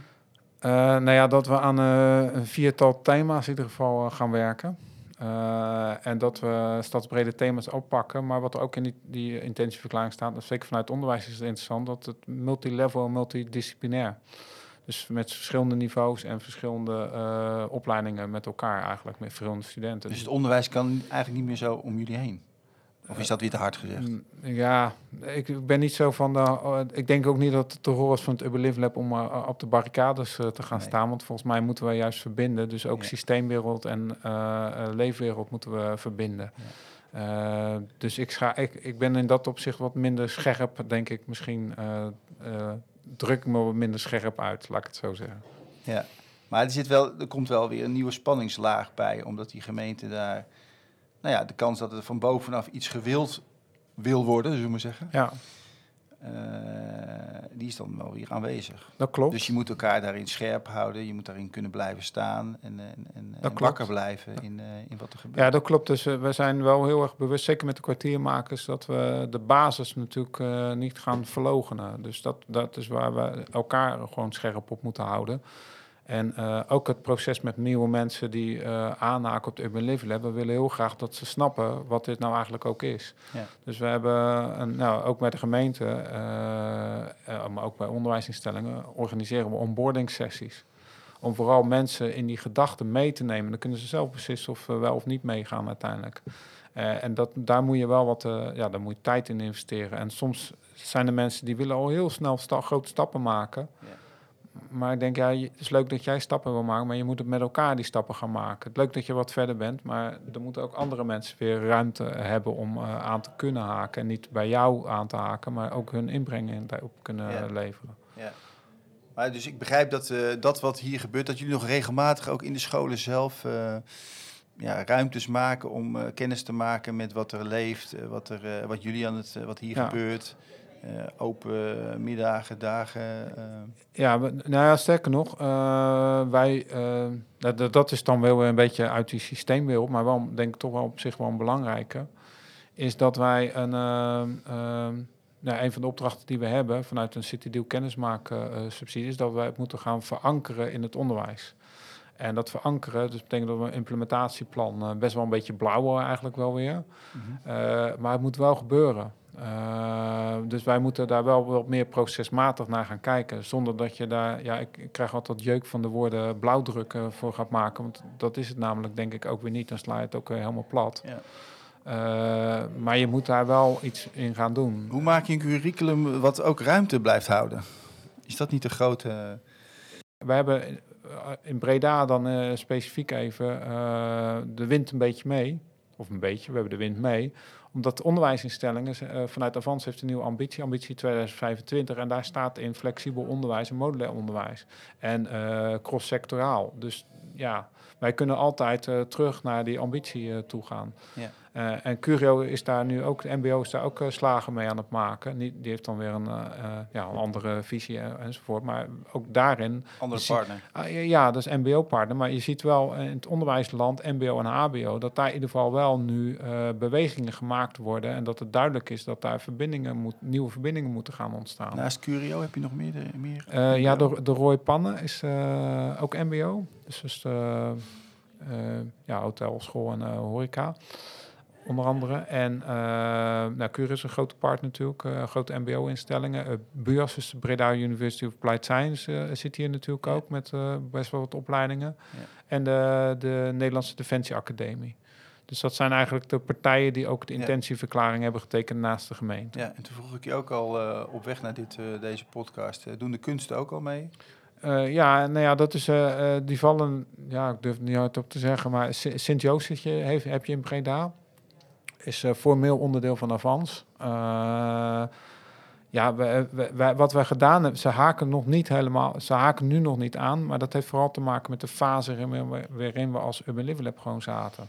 Dat is wel belangrijk ook. Jawel, dus wij hebben heel erg gekeken naar ja, zwaan kleeft aan principe en waar ligt de ruimte? Uh, en daardoor die massa zijn we gaan creëren met studenten. Mm -hmm. Wat nu geleid heeft in twee jaar tijd dat er iets meer dan 700 studenten op een of andere manier betrokken zijn met Urban Living Lab. Dus ja. dat heeft wel, het helpt wel om even onze bestaansrechten zichtbaar ja. te maken. maar wat ik net ook zei, dat die verankering die moet gaan plaatsvinden. Ja, ja wij moeten eigenlijk opleiding per opleiding gaan afpellen. Ja. Dat is wat er moet gaan gebeuren. En dat, ja, daar gaat ook even tijd overheen. Uh, en wat dat betekent dat je moet, uh, per opleiding moet kijken waar zit de ruimte, minoren, weet ik veel. Het woord moeten valt nu in de laatste patiënten heel veel. Ja. ja Hoe is dat? Ja, maar ik denk voor mezelf heb ik daar in dit geval niet zo heel veel moeite mee. Het is geen moeite mee. heb ik niet zoveel moeite mee, omdat ja, we zijn hier met een grote slag bezig. hoge ambities. En, en we hebben, wij zitten best wel met behoorlijke pioniers hier. Maar je wil ook dat het, uh, uh, dat het duurzaam iets wordt neergezet met elkaar. Mm -hmm. En dan, ja, je doet het niet om te pionieren. Uh, je hebt hogere ambities met elkaar. Mm -hmm. Ja, dat betekent dat je naar een volgende fase toe gaat. Mm -hmm. en dat daar inderdaad wel een aantal andere dingen voor nodig zijn. Ja, maar ik vind het interessant om, omdat het toch altijd weer op een of andere manier ook op een gegeven moment geroepen wordt. Uh, terwijl daar echt, is even vanuit mijn perspectief, daar zit misschien wel de kern. Hoe neem je een ander mee? niet, denk ik, door te zeggen van en dit moet gebeuren. Nee, de, zo, zo bedoel ik het ook niet. Hè? Van nee, je nee. moet aansluiten. Nee, nee, helemaal niet. Ik denk dat wij, dan kijk ik even vanuit, wij moeten met anderen in gesprek gaan om die ja. verbinding te maken. Uh, dat is in ieder geval onze opdracht. En dan ja. is het aan de opleiding in dit geval, maar dat kan ook bedrijven zijn, uh, of zij wel of niet aanhaken en, en hoe dan. Ja. Even terug nog tot slot naar jou. Ja. Want jij bent, ja, waarom, waarom val jij hier, dat denk ik namelijk, hier helemaal op jouw plek? Ja, toch wel die ambitie die daarin zit om ja, toch ja, waar, waar ik wel invloed kan hebben om in ieder geval iets in het systeem te veranderen. En wat ik heel erg hier. Ja, ik hoop dat we iets kunnen laten zien. wat eigenlijk een soort spiegel kan zijn, ook weer voor anderen. Dat is waarom ik. Uh, ja, we zitten hier aan de voorkant van een uh, ja, flinke ontwikkeling. Daarom, ik, ik hou van. In de, ja, ik hou ook van pionieren. Ja. Dus ik moet zelf. Dus het is goed dat je het zo, zo stelt. Het is wel confronterend nu gelijk. Maar ik denk wel, uh, ik merk zelf wel, ja, ik heb het ontzettend naar mijn zin. En ik, ik, ik, ben nog niet klaar. Maar ik merk wel op het moment dat daar structuren heel erg vast gaan liggen, dan ben ik klaar. Ja, wat heb jij nog te leren dan? nog heel veel, denk ik. Ja, wat... hoe je ook met studenten omgaat. ik leer elke dag eigenlijk ook van hun. Ik doordat ik met zoveel verschillende mensen te maken, met zoveel verschillende achtergronden, wordt mijn wereld eigenlijk ook daardoor rijker en groter. En dat vind ik wel heel tof. Ik, bedoel, ik heb nu studenten die ja, totale andere achtergronden hebben dan waar ik vandaan kom. Ja ik vind dat, uh, ik leer daar wel weer van. Ik sta daar ook open voor. En uh, ja, het is ook wederzijds. Hè. Ik, bedoel, ik vertel ook gewoon uh, waar ik allemaal vandaan kom. Ja. Je zit al op 50 minuten. Ik denk, dat, heb, je nog iets, heb je nog iets wat, uh, wat nu gezegd wil worden? Volgens mij zei ik het ook begin, ook waar het onderwijssysteem in zit, is uh, dat we veel kijken van wat, er, uh, wat iemand niet kan. en ook als je met dit soort ontwikkelingen bezig bent, ja, je kan heel lang praten over wat er niet kan, maar volgens mij moet je gewoon aan de slag en moet je kijken wat er dan wel kan. en daarin gewoon stappen met elkaar gaan, gaan maken en altijd openstaan voor de ander altijd proberen bruggen te bouwen in plaats van juist de verschillen alleen maar extremer eh, te maken. Ja. Dus dat is vertrouwen hebben in, in, in de studenten, in de leerlingen, in wat ze bedenken of willen, wi- eh, de beweging die ze, die ze eigenlijk Ja. willen maken, om die ook eh, te, te durven volgen. Ja, ja voor, mij, voor mij is dat heel... ja, het zit in mijn eh, manier van werken, manier, zo in mij als persoon. Ik, ga, ik werk vanuit vertrouwen. Ja. Ik zeg, ja, vanuit, en dan kunnen er ontzettend, tenminste, zeker met studenten, als je ze vertrouwt en je geeft ze de ruimte, dan gaan er gewoon veel meer dingen ontstaan. En dingen, die ze van tevoren ook niet hadden bedacht en ik ook niet had bedacht. Ja. Eh, en ja, dat vind ik, eh, ja, dat, dat is de basis vanuit ik gewoon vertrek. Mooi, dankjewel. Graag Voor nu. gedaan. Ja, We gaan eh, een paar studenten bijhalen, ja, dat is goed. toch? Ja. Eh, er hebben eh, zich inmiddels drie eh, studenten aangeschoven, zijn hier aan tafel. Ik ben met Robin, Alex en Femke. Ja. Van drie verschillende opleidingen. En eh, daar kunnen jullie misschien als eerste iets over vertellen. En dan ook de vraag wat je dan hier gedaan hebt in het half jaar. Robin. Nou, ik, nou, ik ben Robin. Ik eh, ben derdejaars CMD-student op Avans Hogeschool in Breda. CMD is... Eh, communicatie Multimedia Design. Dat is een- de afkorting die we dan Ja. gebruiken. Dat is een Ja. hele mond vol. Ja. Maar eh, ik heb hier kort gezegd, eh, ben ik in stage gelopen om onder andere mee te helpen met het eh, conceptualiseren en doorontwikkelen van een evenement van Urban Live Lab Junior genaamd Power of the Future. Die week. Eh, die eventweek inderdaad. Ja. En daar heb ik onder andere bij het proces eh, proberen mijn enige creatieve proces toe te voegen aan het eh, hele geheel. Zeg maar, dat we blijven itereren en blijven kijken van oké, als we iets doen, hoe kunnen we het verbeteren? Of Itereren. itereren. Je gaat telkens meten van alles wat je maakt, of het zeg maar goed voor kwaliteit is, of dat er bijvoorbeeld tegen problemen aanloopt. Dat je niet zeg maar één idee hebt, dat gaat maken en dan zegt oké, het is klaar. Ja. Want het is altijd wel eh, slagen die je kan maken in, eh, met betrekking tot verbetering, et cetera. Ja. Heb je dat begrip hier ook geleerd? Eh, nee, dat heb ik wel geleerd op school. Dat is wel iets wat ik gewoon heb toegepast vanuit de opleiding. Heb je nog iets toe te voegen? Sorry hoor. Oh ja, nee, ik heb ook eh, meegeholpen met bijvoorbeeld de communicatie, vooral met social media. En een beetje gekeken naar hoe we frequent kunnen posten. En zeg maar gewoon een soort van een goed, kale- goede kalender of een goede planning kunnen maken Mhm. daarmee. En ook een beetje de, de content zelf, wat er allemaal in wordt verteld. eh, wel, voor welk platform, welke doelgroep is en welke doelgroep wat voor content interessant vindt. Dat soort eh, zaken. Mhm. Dus heel erg empathisch denken vanuit de, de klant, zeg maar. Of Ja. de, jouw doelgroep in plaats van wat wij willen posten. Oké, dankjewel. Alex. Ja, ehm, ik ben Alex. Ik eh, ben eh, nou ja, net vorige week doorgekregen dat ik uh, geslaagd ben voor mijn opleiding marketing en communicatie van eh, Curio. Ja. En ehm, ja, ik heb me voornamelijk bezig gehouden met eh, ja, social media en de website. Eh, ik heb contentkalender aangelegd, want die ontbrak nog. En eh, ik heb heel vaak met Marcel meegekeken om de website nieuwe pagina's aan te maken en hoe deze ingedeeld moesten worden. Ik heb ook meegeholpen met onder andere ook ja, evenementen goed op te zetten en dan ook daarover weer allerlei berichten op social media te Dus je verspreiden. hebt ook wat samengewerkt ook Ik met heb- Robin? Ik heb met, met Robin inderdaad samengewerkt. Ik heb ook met Femke samengewerkt. En ja, ook met Luna, met HRM om mijn vacatures uit te zetten. Dus eh, ik heb eigenlijk met iedereen wel samengewerkt. Hoe was het eigenlijk om dit allemaal te doen? Het was heel erg interessant. Ik heb nog nooit in een stage team gezeten. Ehm, en het was gewoon fijn om niet alleen met een mbo samen te werken, maar ook gewoon met iemand van het hbo. En ja, dat verbreedt toch wel je blik op eh, wat iedereen nu eigenlijk precies doet. Ook qua, qua wat er gebeurt in een mbo. Dat is weer net iets anders dan wat je op een hbo leert. Ja? Ja, dan merk je wel. Je merkt dat het op hbo veel, veel meer theoretisch allemaal is. En dat daar soms het praktische gedeelte nog wel een beetje ontbreekt. Dat wij wel bij het mbo hebben geleerd al. Oké, dus het is wel aanvullend. Ja.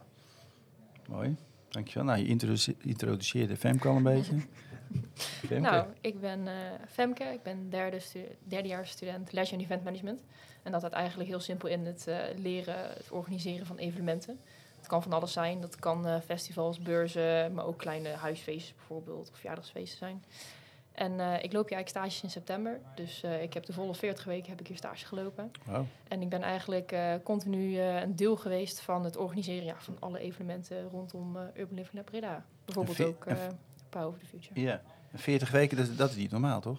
Ja, in mijn opleiding wel. Oh. Ja. Oké. Dat is heel normaal dat wij hebben altijd een jaar... eh, ja, nou, we kunnen ervoor kiezen om eh, twee keer 20 weken stage te lopen. Maar ik heb ervoor gekozen om 40 weken bij één bedrijf te blijven. En heb je in het tweede jaar heb je ook stage gelopen? Nee, we hebben geen stage gelopen in het eerste en tweede jaar, maar wel dagdelen bij bedrijven. Om een voorproefje te krijgen met wat het nou precies inhoudt. Ja. Dus dan Ja. loop je echt een heel klein deel mee. Waarom wilde je hier stage lopen? Ik vind het eh, maatschappelijke kant gewoon heel erg interessant om te doen. Want wij leren op school niet heel veel erover. En dat is toch wel een heel ander blik die je dan krijgt met eh, Mhm. wat je nou eigenlijk ook door middel van evenementen organiseren nou ja, kan doen. Ja, en wat raakt jou in die maatschappij op dit moment waardoor je denkt van, nou ja, dat, dat, dat leeft in mij. Een, een thema, een onderwerp. Nou, bijvoorbeeld eigenlijk Power Future, waar ik dan in de tweede periode voornamelijk heel erg mee bezig ben geweest, is dat zelf op de basisschool heb ik ook niet een hele eerlijke kans gekregen, want ik heb zelf dyslexie. Mm. En daar ben ik eigenlijk al voor de CITO-toets was ik eigenlijk al afgerekend en hebben ze tegen mij gezegd, ja, jij gaat naar kade toe. Mm. Terwijl, ja, kijk maar nu, ik zit nou op het HBO. Eh, ik kon dus veel meer aan dan dat de basisschool heeft gezegd. En dat is toch wel iets eh, wat ik ook die kinderen van nu op de basisschool me meegeef. Zeker bijvoorbeeld op de Wisselaar, die is ja, gevestigd in Hoge Vught. Nou ja, dat, dat wordt dan gezien als een probleemwijk. Mhm. Ja, dat is toch wel dan weer jammer, omdat je dan meteen een kans minder hebt, zeg maar. En Ja. dat, dat wil ik gewoon ook niet. Dat wil ik ook niet voor die kinderen. Ja. Dus dan door middel van bijvoorbeeld dan Power to Future dan dat vier basisscholen bij elkaar komen, dat ze ook kunnen zien van, oh ja, maar hun kunnen het ook. Waarom zou ik het niet kunnen? ja. Dat ze ook de kans weer krijgen om het wel te kunnen doen. En dat ze het vertrouwen. Ja, dat ze het vertrouwen in zichzelf krijgen. Ja. Mooi. Alex, waarom ben jij hier stage gaan lopen? Eh, dat is ook wel eh, een beetje een verhaal. Ik zou eerst in eh München stage gaan lopen, maar vanwege corona kon dat niet doorgaan. Dan hebben ze alles afgelast. Dat En balen. Dat is heel erg balen Jezus. geweest. Eh, dat heb ik kwam je hier terecht? Nou, nog niet eens gelijk. Maar toen ben ik een beetje rond gaan solliciteren. En ehm, eh, ieder bedrijf, ze hadden wel kanten die mij trokken, maar het was gewoon niet te fit voor mij. Ik had zoiets van, er ontbreekt nog iets. En toen kwam ik de factuur van de Urban Living Lab tegen. En toen had ik zoiets van, dit is waar ik stage wil gaan Want? lopen. Het, het maatschappelijke gedeelte, wat ook Femke al aangaf, dat is gewoon iets wat mij echt gewoon heel erg getrokken heeft. Ja. Ja. ja, het gewoon inzetten voor, zeg maar, voor de, de kleine persoon die gewoon eigenlijk nog even het hulpje nodig heeft. eh, ook, ja, dat is gewoon iets wat ik gewoon heel fijn vind om te gaan doen. De, de, de bewoners, de mensen zelf. De bewoners, de mensen zelf. ehm, het gewoon naartoe werken dat je een betere wereld achterlaat dan waarin je gekomen bent. Zat het al in je eerder? Of Ja, dat zit al een aantal kan, jaar niet zomaar, maar kan niet zomaar komen? hè? Nee. Ja, want hoe uitzicht dat dan, eh, denk je? Of doe je al andere dingen ook die daar eh, iets mee van doen hebben? Eh, nou ja, ik zet de laatste tijd zet ik me wel veel meer in voor duurzaamheid. Ook gewoon thuis heb ik de tuin omgebouwd. Dat er veel meer nou, bijvriendelijke tuin gewoon heb ik aangelegd. Um, Hmm. En ja, ik zet mij op uh, Curio zet ik mij ook in bij uh, leerlabs. Uh, dat, ja, dat zorgt er dan weer voor dat wij onderwijs gaan verbeteren voor morgen. Dus dan, ja, daar ben ik al heel ben ik al twee jaar lang mee bezig Mm. om de student veel meer centraal te gaan zetten in het onderwijs en dat die gehoord gaat worden. Mooi. Ja. Mooi. Want dat is belangrijk. Dat is heel erg gebeurt belangrijk. gebeurt namelijk Nee, het is allemaal van de docent die loopt te zenden en jij moet maar de opdrachtjes doen wat ze zeggen, omdat het in het, uh, ja, in het exa examendossier zo staat. In plaats van dat er gevraagd wordt van wat wil jij nu eigenlijk echt leren? Ja, dat is het onderwijs van nu op veel Ja. plekken. Hè? In ieder geval op jouw Ja. school. Ja, in ieder geval bij mij, ja. Robin, jij bent ook niet hier denk ik zomaar gekomen. Nee, zeker niet. Ehm, bij mij gaat het ook wel een beetje een tijdje terug, want ik ken Massa al langer. Ik eh, heb namelijk een, een, ja, wat is het, noem je het, een leerwerktraject. Ik deed voor vrije studiepunten, deed ik een heel het eh, tweede schooljaar heb ik eh, zeg maar meegeholpen en gewerkt aan het projectbureau op onze communicatieopleidingen op Avans. Dat heet LA 502. Daar heb ik Marcel ontmoet, daar hebben we ook samen gewerkt. En toen hadden we aan het eind van het tweede jaar, toen zei hij tegen mij van ja, ik vond het fijn werken. Wij, wij zoeken nog stagiaires. Heb je interesse om bij het Urban Living Lab te komen? Nou, ik natuurlijk gewoon, ik ben even langs geweest. Ik heb even met mensen gesproken. Ik heb met Marcel gesproken. En toen kwam er eigenlijk wel op uit dat ik dit wel een hele interessante stageplek vond. En dat komt vooral uh, vanwege de missie die ze hebben. Dus het is echt voor de stad het, ver, het ver, verduurzamen, beter maken, mooier maken, inclusiever maken van de stad die ik, waar ik geboren en getogen ben. En als Bredana vind ik dat zelf een heel mooi streven. Mhm. En echt wel iets waar ik zelf heel graag mijn steentje aan bij wil dragen. Dat was wel een hele grote motivatie om hier te komen. Plus ook de, de vrijheid en de grote variatie aan projecten die ze hier hebben. En dat komt ook vooral omdat ik zelf niet echt een persoon ben die heel makkelijk... Uh, ik heb heel lang het probleem gehad dat ik zeg maar niet weet waar ik in wil specialiseren. Ik vind heel veel dingen interessant en leuk om Mm. te doen. En dat kan niet veel. En je kan hier heel veel doen, zeg maar. Dus ik kon, ik kon hier lekker een beetje mijn ei kwijt en kijken van... oh, wat is dit interessant of is dit het wel, is dit het niet? En een beetje ook voor mijn volgende stage, voor mijn volgende schooljaar... Dat, eh, voor mijn, mijn minor, zeg maar. Ja. Dat ik dan echt weet van, oké, de- deze kant wil ik graag opgaan... en hier wil ik me in gaan verdiepen. Ja. Dus dat is naar mijn mening wel gelukt op deze stage. Maar ik hoorde ook dat je inderdaad eh, het contact met Marcel misschien daar ook wel een rol in speelt. Ik denk dat de samenwerking bij 11502 met Marcel was inderdaad heel fijn. Was gewoon gestructureerd en gewoon goed. Eh, ja, daar was, ja, was ik gewoon heel tevreden over. En toen hij dus vroeg of ik daar stage wilde lopen, vond ik het minimaal wel zo netjes om dan even te horen Ja. wat, hij had, wat hij te zeggen had. Nou, vertel jij het woord gestructureerd en goed. En ik hoorde ook, eh, volgens mij vertelde jij dat misschien wel Femke, toen, ik, eh, toen je me binnenliet, eh, toen ik hier binnenkwam. dat, dat hier ook heel veel vrijheid is. Hè? Dus het is, het is gestructureerd en vrijheid. Een soort spanning zit, daar, zit daartussen. Hè? Dan kijk ik even naar jou, eh, Femke. Ja. Heb je, hoe ervaar je dat? Nou, wat Robin zegt, er is hier wel structuur, maar je moet het zelf creëren. Want je hebt hier juist inderdaad heel veel vrijheid. Het is heel veel eh, eigen verantwoordelijkheid wat je gaat doen. Ook het oppakken van bepa- bepaalde projecten of laten weten van... oh, hier heb ik interesse in, dit wil ik doen. Dat komt, moet allemaal echt vanuit jezelf komen. Daar helpt Marcel wel in. Maar dan moet je wel met hem erover gaan praten vanuit je eigen initiatief. Mhm. Ehm, maar wil je dat staand houden, moet je zelf structuur gaan creëren om dat te kunnen doen. Je moet zelf een planning bijhouden. Je moet zelf deadlines gaan stellen voor jezelf. Dus Kom je dat ook tegen, zeg maar? Merk je dat gaandeweg? Dat je denkt, oh ja, maar hij, ik, ik moet zelf instappen, zeg maar zeggen. ja, ja, nee, zeker wel. Ja. Anders gebeurt er niks. Want we- ze hebben natuurlijk nu een team met acht personen. Eh, dus dat is best wel flink. En gelukkig hebben we wel elkaar eh, ook om stru- structuur te creëren. Dus dat helpt ook heel veel. Maar ja, iedereen heeft natuurlijk nog steeds zijn eigen ding om te doen in het stageteam. Mhm. Dus ja, dat moet je wel een beetje bij jezelf blijven met van... oké, nou, wat heb ik nou eigenlijk te doen? Wat moet ik nog doen? En Je bent eigenaar van je eigen Ja. project, zeg maar. Ja. Maar dat kijk ik even naar eh, Alex. Herken je daar iets van? Ehm, dat je misschien wel eens af en toe loopt te zwemmen ook? Ja, ik merkte gewoon vanaf het begin aan, het was echt ehm, wel even, even omschakelen, want je bent een structuur gewend vanuit school. En dan kom je ineens in een wereld waar ontiegelijk veel vrijheid is en je kan zelf kiezen wat je gaat doen. En ja, daarvoor heb je wel gewoon vanuit jezelf stru- structuur nodig om dus die stap te gaan zetten van Mhm. dit wil ik gaan doen. En dan kan Marcel je wel helpen met de uitvoering ervan, eh, zeker. En daar, daarvoor heb ik ook toen die contentkalender aangelegd. Omdat ik zoiets had van, we moeten aan de slag met Mhm. social media en posten ervan.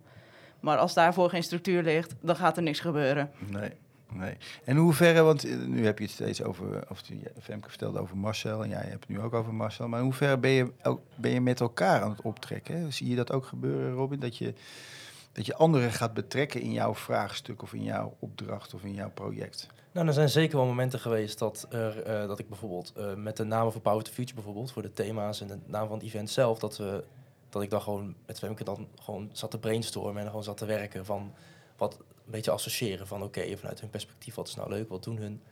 Een beetje inleven, zeg maar. En dat dan de rest dan wel de vrijheid nam ook om zeg maar mee te doen of mee te denken. Dus dat is wel... Want er Wat- zit, eh, zit jij ook aan tafel, eh, Alex? Ja, nee, dan zitten we gewoon... Ja, aan- allemaal. Ja, we, zitten gewoon met z'n allen aan de tafel en Oh, ja. we beginnen gewoon en dan gaan we gewoon met dan z'n allen. Ja, precies. Ja. En dan, eh, nou, iedereen is altijd welkom om gewoon zijn gedachten uit te spreken. Dat is, eh, dat is ook gewoon feedback of informatie die ik graag ook meeneem in het proces. Want dat is Ja. natuurlijk wel waardevol dat iedereen gewoon zegt wat hij vindt. En is, is zo'n manier van omgaan met elkaar, zo noem ik het maar even, is dat binnen het, eh, ja, op jullie school, ja, het klinkt alsof dat, dat weet ik niet hoor, alsof dat echt een nieuwe wereld is. Voor mij op mijn school wordt er wel eh, gestimuleerd om ook met andere opleidingen aan de slag te gaan, maar het gebeurt gewoon niet. Dus dat is een beetje het, het verschil. Hier word je gewoon bij elkaar gezet en het is een beetje van nou... Hier eh, is die plek er ook. Ja, hier heb je ook echt die kans en hier word je ook echt aan elkaar voorgesteld met, nou ja, marketingcommunicatie, CMD, les en event management. Ja, dat zijn drie opleidingen die elkaar anders eigenlijk vrijwel nooit spreken, zeg maar. Terwijl ze eigenlijk alle drie heel goed met elkaar omgaan, zeg maar. Ook qua expertise, dus kunnen we elkaar ook extreem helpen. Maar op mijn opleiding gebeurt dat eigenlijk niet. Iedereen Mhm. blijft een beetje in een eigen bobbeltje. Maar dan merk je toch ook wel dat de plek heel belangrijk is. Hè? Zodat je sa- het samen optrekken, dat Ja. dat ook een fysieke plek eh, soms nodig heeft. Toch? Nou ja, het is wel heel fijn. Ik bedoel, je, je kijkt bijvoorbeeld bij, eh, tijdens de corona, tijdens de lockdowns, dat je dan thuis moet werken achter, eh, in Teams of zo of online. Nou, dat, soms kan het handig zijn. Als je bijvoorbeeld eh, niet allemaal op één plek kan zijn, dan kun je, als je een vergadering hebt, dat zou ook online kunnen. Maar het is toch wel fijn om met z'n allen gewoon bij elkaar te zitten en dan gewoon ook, zeg maar, die interactie tussen elkaar niet altijd werk, werkgerelateerd, maar ook gewoon leuk. Gewoon soms een beetje praten, bijpraten, gezellig doen. Maar wel ook gewoon samen actief kunnen werken en ook een beetje meekrijgen wat iedereen doet. En dan eventueel, oh ja, kan je daar wel bij helpen? Ja. Want iedereen heeft natuurlijk zijn eigen expertise van zijn eigen opleiding. En met sommige dingen heb ik ook wel eens gehad dat ik dan iemand ging helpen met mijn kennis van mijn opleiding. Maar ik heb ook wel eens gehad dat ik dan de hulp kreeg van iemand van andere opleiding. Ik heb, ook, ik heb heel vaak ook hulp gehad van Femke bij bepaalde zaken. Als het met betrekking tot Power of the Future. En ik heb ook best wel veel geleerd over leisure en event management vanuit Femke. En ik hoop ook dat ze enigszins wat geleerd heeft over hoe ik dan te werk ga. Maar dat vond ik, ja, dat Ja. vond ik wel een heel fijn samenwerken. Wordt bevestigd. Moet er eigenlijk iets in het onderwijs veranderen wat jullie betreft? Ehm, ja. Ja, want ik Of is, ben, dit, of is dit gewoon heel specifiek voor jullie bestemd, deze plek, deze weg? Omdat jullie daar gewoon heel goed in passen en de rest nee. niet. Nee, absoluut. Het is voor iedereen dit wel. I- Dit is gewoon echt een ervaring die gewoon eigenlijk iedereen zou moeten hebben. Want je zit op je opleiding en dat is gewoon een bubbel. Je zit daarin, terwijl je straks in, uit die bubbel gaat... en dan heb je eigenlijk geen flauw idee wat een ander eigenlijk doet... en waarvoor je die kan gebruiken. En als je in je opleiding meer gaat samenwerken met andere opleidingen... die voor jou een vraagstuk kunnen oplossen of mee kunnen denken over een onderdeel... Ja, dan ga je ook al veel meer leren samen te werken met iemand anders. En dan weet je ook van, ik hoef niet alles alleen te doen. Ik, er is gewoon Ja. iemand die daar een expertise op heeft. Die kan ik ook inschakelen. Ja. Nou, je, zegt- wat je nu voor mij zegt, is dat, je, dat het eigenlijk misschien niet eens zo gaat over wat je creëert, maar meer het proces dat je met elkaar optrekt en anderen ontmoet en ontdekt dat die, dat die verbindingen eh, er eigenlijk al zijn. Zeker. En dat je vanuit, vanuit die verbondenheid veel krachtiger bent eigenlijk. En ook misschien wel veel meer gedragen wordt. En dat is een hele belangrijke ontdekking. Ja, bij mij is het ook heel erg dat op mijn opleiding eh, begin je al meteen vanaf project nummer één in groepjes te werken. Dus op zich, het samenwerken leer je wel. Maar ja, we doen allemaal dezelfde opleiding. Dus we hebben allemaal in theorie gewoon dezelfde kennis. Mhm. En als ik dan met inderdaad met een Robin of met Alex of met Luna van HRM of zo ga samenwerken, dan krijg ik opeens een heel ander beeld ook met van oh, maar zo kan ik het ook aanpakken. Mhm. Ander leer- perspectief. Ja, een heel ander Echt een perspectief. ander perspectief. Ja, en dat helpt enorm, want soms zit ik ook gewoon ergens tegenaan. En dan vraag ik ook even van, hey Alex, hoe kijk jij hier tegenaan? Hoe, hoe zie jij het? En dan zegt zij meestal iets en dan denk ik van, oh god, daar heb ik nog helemaal niet aan gedacht. Dat kan ook gewoon. Mhm. En dan is het opeens van, oh ja, nee, helemaal logisch. Maar omdat ik gewoon dan die, ja, die kennis dan gewoon nog niet heb en Mhm. zij wel, dan ja, dat, dat, dat, dat vult elkaar gewoon aan. Mhm. Maar nou stop Ja. jij hier, eh, toch? Of niet? Na Ja. 40 weken. Ja. En dan heb je nog een jaar een stage, of dat niet? Nee, ik ga een minor doen en dan afstuderen. Oh ja, oké. Dus dan ben ik eh, klaar met, mijn- hopelijk met mijn opleiding. Ja. En hoop je ergens in de wereld eh, ook nou, misschien wel gebruik te maken, of tenminste in, in, in een ruimte te komen waar ook veel diversiteit is, zodat je, zodat je met elkaar eh, Ja. tot iets eh, gezamenlijks ook kan komen. Ja, nee, ik wil ook heel graag, als ik eh, kijk naar een baan later, wil ik heel graag ook gewoon echt in het team werken met ook diversiteit erin. En dan inderdaad ook met, met de achtergronden en alles erbij, zeg maar. Want dat, daar leer je ook gewoon het meeste van. En daar heb je eigenlijk in de eindstand ook veel het meeste plezier van, zeg maar. Ja. Wat vraagt dit nou van begeleiding om, om, om dit mogelijk te maken? Maar ook misschien wel van jezelf. Nou ja, het is natuurlijk, je zit natuurlijk in een groep van acht. Acht verschillende mensen. Dus ook voor Marcel, ja, hij was natuurlijk allemaal onze begeleider. Dus voor hem was het ook natuurlijk uit een druk schema. Dus af en toe kon je ook wel merken dat... Hij heeft wel gewoon zijn best gedaan. Ik vind dat ik wel goed begeleid ben. Maar af en toe merkte hij wel dat hij het zo druk had dat hij... ehm, dat hij ook wel eens dingen vergat. Of hij denkt van, oh ja, we hebben deze afspraak. Of dan eh, hebben we weer een sta stage meeting. Maar het is, ja... Ik denk ook inderdaad, wat, wat Femke ook eerder zei... Het is wel belangrijk dat als Marcel dan niet was... of hij altijd even druk, dat het dan belangrijk is dat wij elkaar een structuur geven en elkaar dan kunnen ondersteunen waar nodig. Eh, dat je zeg maar wel veel meer aan elkaar hebt dan alleen maar zeg maar ook gewoon formeel oh, we gaan elkaar we gaan elke ieders persoonlijke ding doen voor de stage, maar dat je er ook echt als een echt team staat. En eh, Alex, er worden ook hier woorden ge- eh, gebruikt, tenminste hier nog niet aan tafel, maar die gebruikt Marcel dan. Co-creatie Oh, en, ja. en gelijkwaardigheid. Ja, Het zijn inderdaad wel woorden die eh, wekelijks hier vallen, als het misschien niet eens dagelijks is. Ehm, Ja? nou, co-creatie, ja. Het is inderdaad wat je wel merkt van... Het, er zijn gewoon verschillende partijen die eraan werken om, om tot één geheel te gaan komen. En Ja. dat is zowel in het stageteam komt dat in terug, als in ook gewoon dat er samengewerkt wordt met overheid, onderwijs, inwoners en bedrijven. Ehm, ja, en gelijkwaardigheid, ja, het is gewoon ook echt letterlijk onze input van het. Dat weegt net zo zwaar als die van een kwartiermaker of van iemand anders van de organisatie. Maar hoe moeilijk is dat om dat met elkaar toch... Want dan moet je ook een soort scherp in blijven, toch? Een soort van, oh ja, wacht even, eh, je gaat veel te hard dus over mij. Van, of of heb, je, heb je hier wel aan gedacht? Of word ik wel gehoord in dit proces? Klopt, dat af en toe heb je inderdaad dat wel, dat je dat gevoel hebt inderdaad. Dat dat Ehm, gebeurt? Ja, dat het gewoon gebeurt. Maar ehm, het is meestal gewoon dan even bij elkaar inchecken van... is wat ik nu denk dat er gebeurt, is dat ook daadwerkelijk wat er gebeurt? En Ja. dan, ja, het is gewoon... je moet bij elkaar blijven inchecken dan. Of je laten horen. Als, dat, Ja. als er iets Ja. in jou zelf voelbaar is van wacht even, eh, er gebeurt nu iets in mij. En het lef hebben of de moed hebben om dan in te checken, zoals je zelf zegt. Hè? Ik heb wel vaak gemerkt dat bij bepaalde beslissingen die genomen werd, dat er dan iemand iets in de lucht gooit. En dat er dan gelijk wel dat mensen hier niet zeg maar, nerveus waren om dan, of niet bang waren om er iets op te zeggen. Dus gewoon dan denken van ja, wat jij al zei, heb je hier aan gedacht? Of hey, misschien kan je ook dit doen. Dat je het even inderdaad met elkaar even gaat bespreken en dat je dan tot een, een conclusie komt, zeg maar. Dus dat is wel. eh, het is niet dat iedereen maar gewoon hier zit van oh, ik wil dit doen. En dan zomaar even van ja, ik ga dit even regelen. En dat is van ja, misschien is het helemaal niet handig, misschien is het helemaal niet nuttig. Dat weet je niet. Ja. Maar ja, da- daar heb je dus zeven andere mensen die dat ook voor jou Ja, kunnen. en het is heel waardevol om die zeven stemmen te horen in, eh, in het vraagstuk of in, da- in dat wat je op dat moment. eh, dus het ophalen van die stemmen, ja, dat is een beetje weer mijn, te- mijn taal. het ophalen van de stemmen en de, en de meerstemmigheid om daar gebruik van te maken. Is er iets wat, wat, wat jullie vanuit jullie ervaring hier, na een half jaar en jij 40 weken, wat jullie belangrijk vinden om gezegd te hebben? Ja, ik denk dat nu zijn we er heel positief over. En het heeft ook heel veel positieve eh, aspecten. Maar het kan ook negatieve aspecten met zich meebrengen. Want dit is, maar zeggen, even stom gezegd, mijn tweede stageteam waar ik in zit. Oh ja. Ik heb in de eerste periode in een ander stageteam gezeten. En de Mhm. dynamiek daar was compleet anders Mhm. dan in de tweede. Dus dat is ook weer iets dat je zoiets hebt van... Daar, het, zou zeggen, het grote verschil was... is dat in het eerste team zaten er eh, nou, karakters... die waren echt gigantisch eigenlijk. Eh, en die, die sprongen er ook heel erg uit. En die hadden ook een hele sterke stem. En daar kon ik zelf persoonlijk bijna niet tegenop. Mm. Waardoor daar ehm, ik vaak wel op de achtergrond viel, zeg maar. Nou, zelf vind ik dat zelf niet een heel groot probleem. Want als ik ergens mee zit of er iets aan de hand, dan kom ik toch Mm. wel naar voren.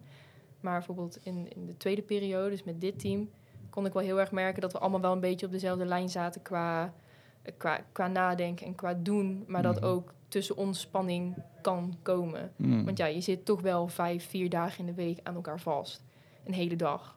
Dus dat, dat kan spanning met zich Zeker. meebrengen. Dus het is niet dat het altijd eh oh zo geweldig is. Zeker als je maar- samen iets beetpakt, hè? als je echt iets aan het doen bent, iets aan het maken bent. Dan kan gerust een discussie komen. En dan lost het zichzelf ook weer op. Je Ja. praat het gewoon uit. Maar het komt er wel. Ja. Of, of misschien is er ook wel geleerd, hè? En, eh, jij hebt dat eerste, het eerste stuk meegemaakt. Dat ook de mensen die hier omheen eh, lopen, dat ze er ook veel van geleerd hebben. En jij ook misschien Ja. wel. Maar zeker. Waardoor het gewoon even ook weer anders gaat. Ja, nee, zeker. Het is nou ook wel dat we, denk aan het eind van de periode, wel kunnen zeggen van dat we ook weten hoe we met zo'n situatie moeten omgaan. Ja. Want dat, dat- daar heb je niet alledaagse ervaring mee. En om dan in zo'n team gezet te worden en dan toch dat er een discussie inderdaad komt, of er komt even spanning, dan leer je er toch wel weer mee omgaan en het eh, op te lossen. Dus je leert, eh, even nog eens tot slot, eh, Alex, je leert ook dus met een soort met spanning omgaan. Jazeker. Ik, in, het begin, nou ja, in het begin is het inderdaad gewoon heel erg aftasten en een beetje afwachten. Spannend. is spannend. Iedereen moet elkaar leren kennen. En je denkt ook allemaal... Ik denk dat iedereen dat gewoon bij zichzelf ook heeft van... eh, wie is iedereen en hoe vindt iedereen mij überhaupt? Mhm. En nou, ja, op een gegeven moment gaat daar gewoon... Dat, dat, ijs dat breekt gewoon van zichzelf. Alleen dan inderdaad, dan ga je wel eens tegen elkaar lopen. Van dat even wrikt tegen elkaar. En ja, dan moet je gewoon met elkaar uitpraten. En zeker ook naar het einde toe. Ik bedoel, iedereen heeft het hartstikke druk gehad de afgelopen weken. En nog steeds. Ja, dan merk je ook gewoon, iedereen is gestrest. Ja, dan zijn rondjes soms ook heel erg kort. En dan kan niet iedereen meer zoveel hebben. Dat, dat merk je ook. Dus dan moet je ook gewoon een beetje laten gaan. En zoiets hebben van, jongens, we zitten allemaal in de stressperiode. Ja. Laat het gaan. Maar nu, nu gaan jullie zo meteen nog een slot, slot eh, evaluatie geloof ik doen, hè? Ja. Maar er komt toch nog wel een soort van knalfeest? Of gaan jullie zo meteen borrelen?